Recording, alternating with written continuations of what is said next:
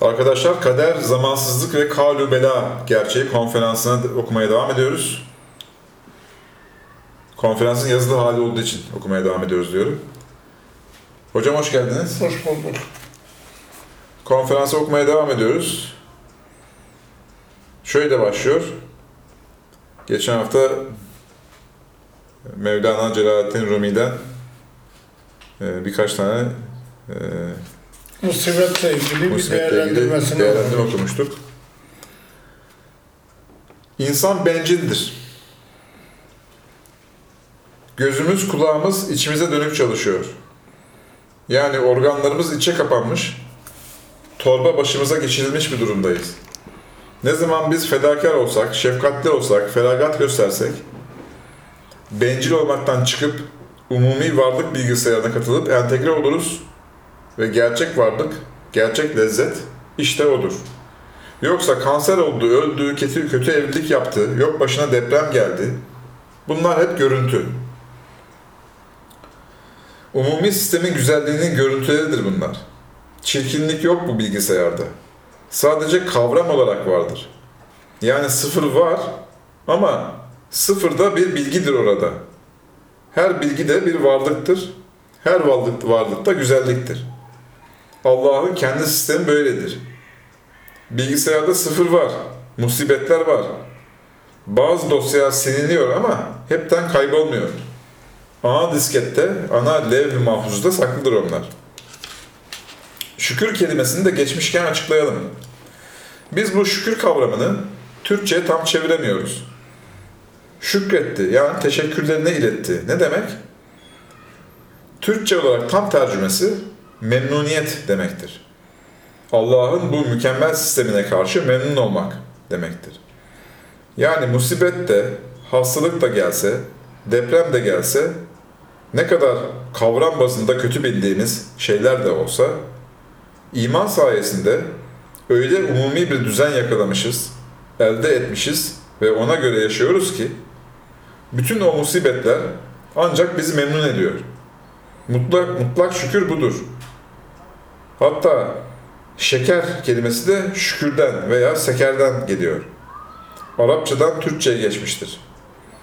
Arapçada birbirine e, yakın sesler aynı kökün manasını biraz farklı taşırlar. Evet şükür, şeker ve seker.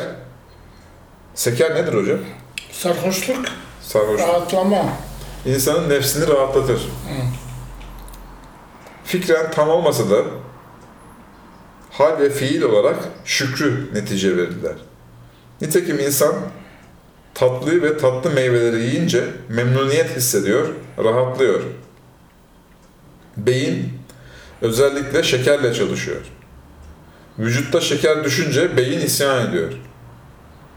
Ama şekeri şeker olarak alın gibi bir tavsiye yok değil mi burada? Yani Diyor. Aynı zamanda biyolojik olarak da bir Meyvelerdeki şeker mesela daha iyidir. ha, o bize yeterli oluyor değil mi? Bu yapay şeker zararlı.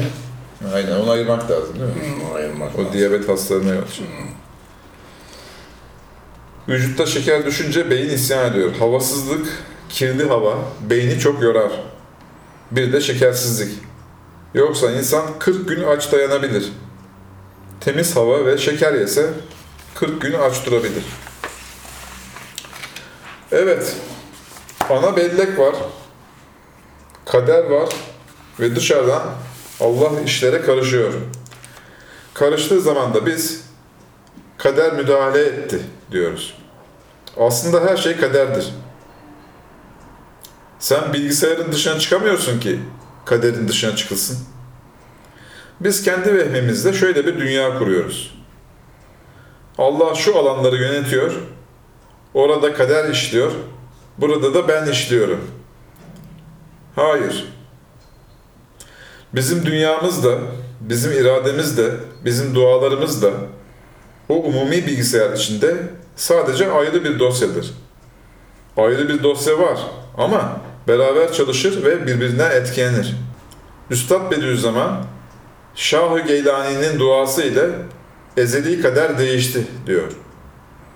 Ezeli kaderi yani ana bellek bile değişebilirmiş. Ne zaman biz bu duruma geliriz? Umumi sisteme biz de Şah-ı Geylani gibi teslim olsak, Ya Rabbi senden gelen her şey güzeldir, senden gelen her şey nimettir, senden gelen her şey varlıktır diye tam tevhidi yaşasak, teslim olsak, o zaman ne olur biliyor musun? Teknik olarak izah edeyim. Sen küçücük dosyanın içinde bilgi iken umumi sisteme entegre olmuşsun. Her dosyaya karışma hakkın doğmuş. Veli işte odur. Küçük bir dosya iken, küçük bir bilgi birimi iken, umumi entegrasyon, umumi bilgisayar sistemi içinde küçük bir dosya iken, kendi iradesinden vazgeçmiştir. Ve demiş, ben küçük bir dosya olmak istemiyorum. Umumi dosyaya karışmak istiyorum. Ben kimliğimden, rengimden, şeklimden vazgeçiyorum. Umumi sisteme kendimi feda ediyorum. İşte bu makamda umumi bilgisayarlar içinde bütün dosyalara karışma hakkı olur. Kadere müdahale budur. Halk arasında var ya, kaderini sen çizeceksin. O da doğru. Yani bir açıdan kader Rabbimizdir, bizi yönetiyor. Bir açıdan da biz kaderimizi çizeriz. Ne kadar sistemle bir olsak, ne kadar hür olabilsek, o kadar kaderimizi daha çok renklendirebilir ve değiştirebiliriz. Kaderi geçmiş zamanın bir ucu gibi görmeyin. Bu insanı yanıltır. Sanki kader geçmiş zamanın ucuymuş, oradan bizi zorluyormuş. Biz de robot gibiymişiz. Bu yanlış. Kader zamansızlık demektir. Zaman üstü demektir. Bizim alt dünyamızın bilgisayarını yöneten dördüncü hatta beşinci boyuttan ekstra bir müdahaledir. Bak baştan demiyor. Zaten zamansızlığı çözemezsek kaderi de anlayamayız. Bir daha hatırlatıyorum. Yani zamansızlıkla zaman kavramı. Evet zaman da var. Dosyalar ekrana gelirken belli bir sıraya göre geliyor. Zamansızlıkla zamanı irademizle kaderi beraber değerlendirdiğimiz gibi birbirine aykırı görmeyip beraber birbirini tamamlayan iki e, gerçeklik olarak görmeliyiz. Bazen olayları zamansızlık boyutundan, bazen de zaman çerçevesi içinde ele alacağız. Ekrana giriş itibariyle bir süreç var. Bir sıra var. Orada zaman var. Ama hard disk itibariyle hatta o bilgisayarı yöneten üst bir bilgisayar itibariyle zaman yoktur. Hepsini bir anda görüyor. Bilgisayarımızı yöneten üst bir bilgisayar olsa bizim bilgisayarımız içindeki bütün bilgileri bir anda hepsini birden görür. Başı, sonu, ortası, dışı olmaz. Kalu bela meselesine geliyoruz yavaş yavaş. Kaderden kalu belaya geçeceğiz. Kalu bela kelimesinin anlamı nedir hocam? Onlar evet dediler. Allah'ın rububiyetini kabul ettiler. Tercümesi tam bu mu? Onlar evet dediler. Onlar evet dediler. Heh. Kalu bela. Kalu bela ile ilgili İslam literatüründe iki tane bilgi var. Bir tanesi Sofilerin, tasavvuf ehli velilerin tespitidir. Ve bu bilgi bizim tefsir kitaplarına da geçmiş. Maalesef ayete yüzde yüz aykırı olduğu halde o bilgiler yanlış demiyorum. Ayete aykırı. Çünkü ayet zaman itibarıyla kalu belayı ele almış, biyolojik yönünden ele almış. Sofiler ve eski müfessirler ise gaybi boyutuyla, metafizik, zamansızlık itibarıyla ele almışlar. İki bilgi de doğru. Fakat ilk etapta e, çelişiyor gibi görünüyor. Maalesef ayete yüzde yüz aykırı dediğin o çelişme, çelişiyor gibi mi? Tesme gibi görünme yönü. Müfessirler de gayb alemine bakmışlar, ayeti öyle tefsir etmişler. ayet A diyor, biz nasıl B diyebiliriz dememişler. Bakmışlar gayb aleminde o gerçek öyle gözüküyor. Onun için B şıkkını seçmişler. Şimdi zamansızlık itibariyle bütün insanlar mesela 1 milyon sene içinde belki 60 trilyon insan bir anda Adem'in sırtından alınıp ruhları şahit gösteriliyor. Yani zamansızlık ufkunda Allah onlara sesleniyor. Ama bunu geçmişte olmuş gibi algılamayın. Zamansızlık bize göre geçmiş gibi görünür. Başkalarına göre, başkasına göre gelecek gibi görünür. Hakikatte ne gelecektir ne geçmiştir. Zamansızlık zamansızlıktır, zaman üstüdür. O bir andır sadece. Onun için gerçek varlık bir andır demişler. Zaman göreceli bir kavram, nisbi. Ekrana geliş itibarıyla vardır. Hard disk itibarıyla yoktur. Bilgisayarın içi itibarıyla yoktur. Zamansızlık itibariyle bütün insanlar birden Adem'in sırtından alınıp Allah ruhlara kendi dilleriyle ben Rabbiniz değil miyim dediğinde hepsi diyor ki evet sen Rabbimizsin. Sen bizi doğru dürüst yarattın. Senin yaratmanı, ubudiyetini kabul ediyoruz diyorlar. Bu zamansızlık itibariyle olduğu için veliler onu geçmişte olmuş gibi görüyorlar. Zamansızlık bir açıdan geçmişe de şamil, geleceğe de şamildir. İkisini de kuşatır. Yani bir veli de bunu gelecekte olacakmış gibi görebilir. Sistem aynı sistem. Başka veli de geçmişte olmuş gibi görebilir. Bakış açısı farklı olur sadece. Fakat gerçekte bir andır. Zamansızlıktır. Ve bütün tefsirlerde öyle anlatılır. Allah elestü bir rabbiküm. Ben sizin Rabbiniz değil miyim dedi. Onlar evet sen Rabbimizsin dediler. Ondan sonra kafirler bu sözü unuttular. Kafir oldular. Müminler ise unutmadılar. Müslüman kaldılar diye anlatılır. Fakat Kur'an'ın anlatımı böyle değil. Kur'an ekrana geliş itibariyle işi ele alır.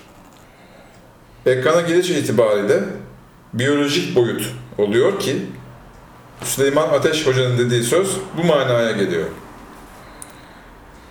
Biz Adem'in sırtından çocuklarını alıp da şahit gösterdik demiyor. Araf 172. ayet. Biz Adem oğullarının Adem'in demiyor. Adem oğullarının sırtlarından zürriyetlerini alıp onlara ben Rabbiniz değil miyim dedik.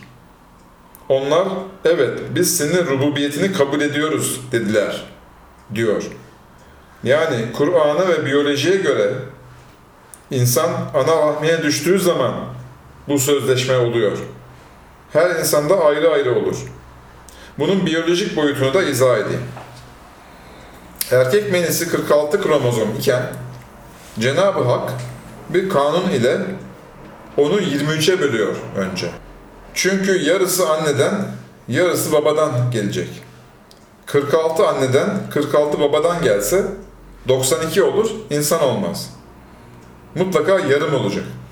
Çünkü gerçek varlık yarımlardan oluşur.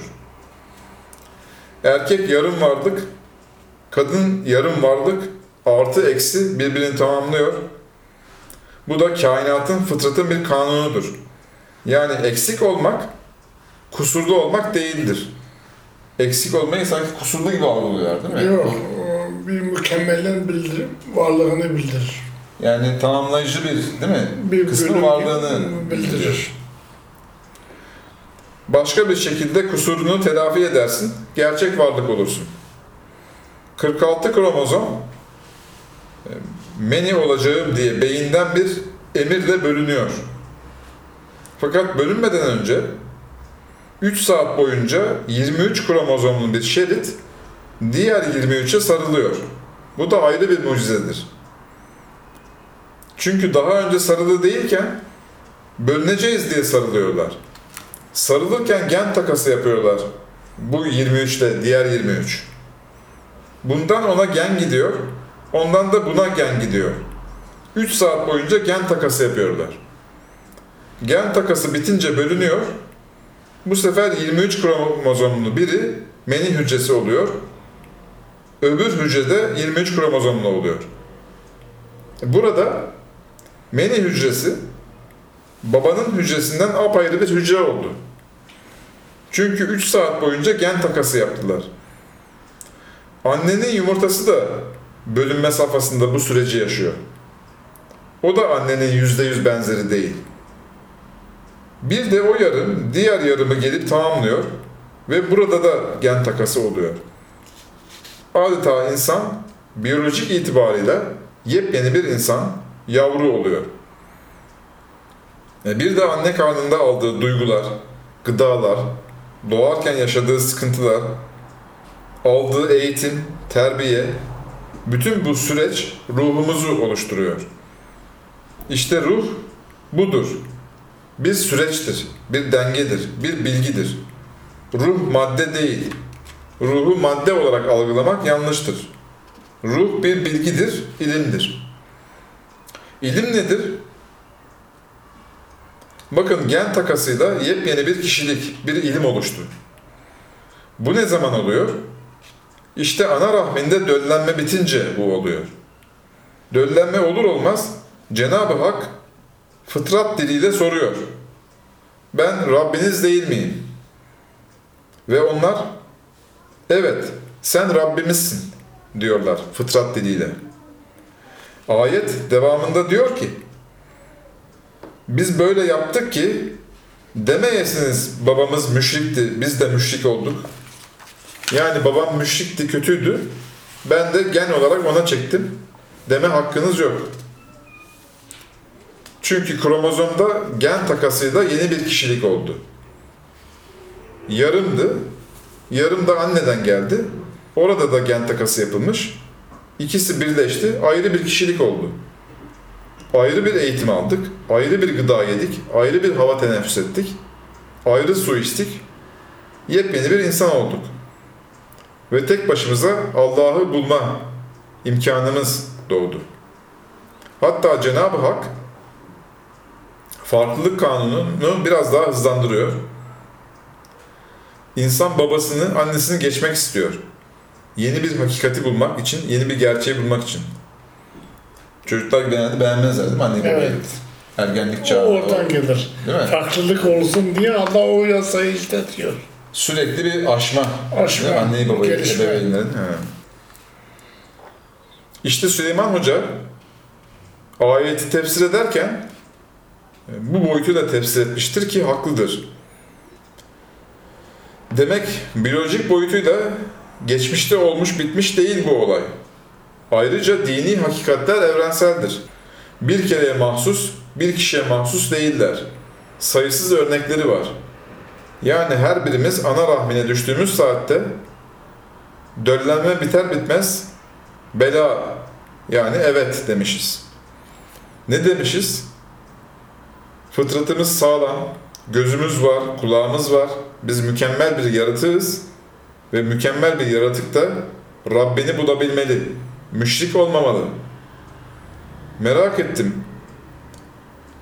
Kur'an o kadar günah varken niye şirki seçmiş burada? Bu seçim çok enteresandır. Çünkü en büyük günah şirktir, bölücülüktür, gerçeği bölmektir. Çünkü gerçek güzellik, gerçek varlık, gerçek nimet bütünlüktür. Yani kadere imandır, kadere göre yaşamaktır. Bölücülük ise o entegrasyonu bölmek, sistemi bozmaktır. Zina neden kötüdür? Çünkü sen sisteme aykırı davranıyorsun. Kumar niye kötüdür? Çünkü beynin salgılama mekanizmasını bozuyor.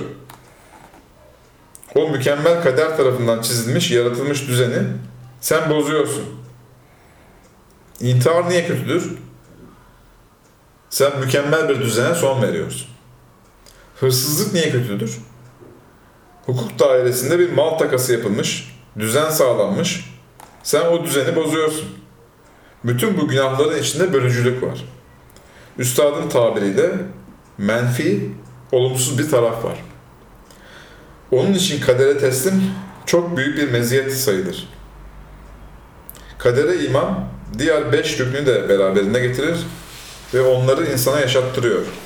Melekleriyle, peygamberleriyle, kitaplarıyla, Allah'a imanıyla hepsini insana yaşattırıyor ki başta da söyledim imanın beş rüknüne bir ayet ayrılmış.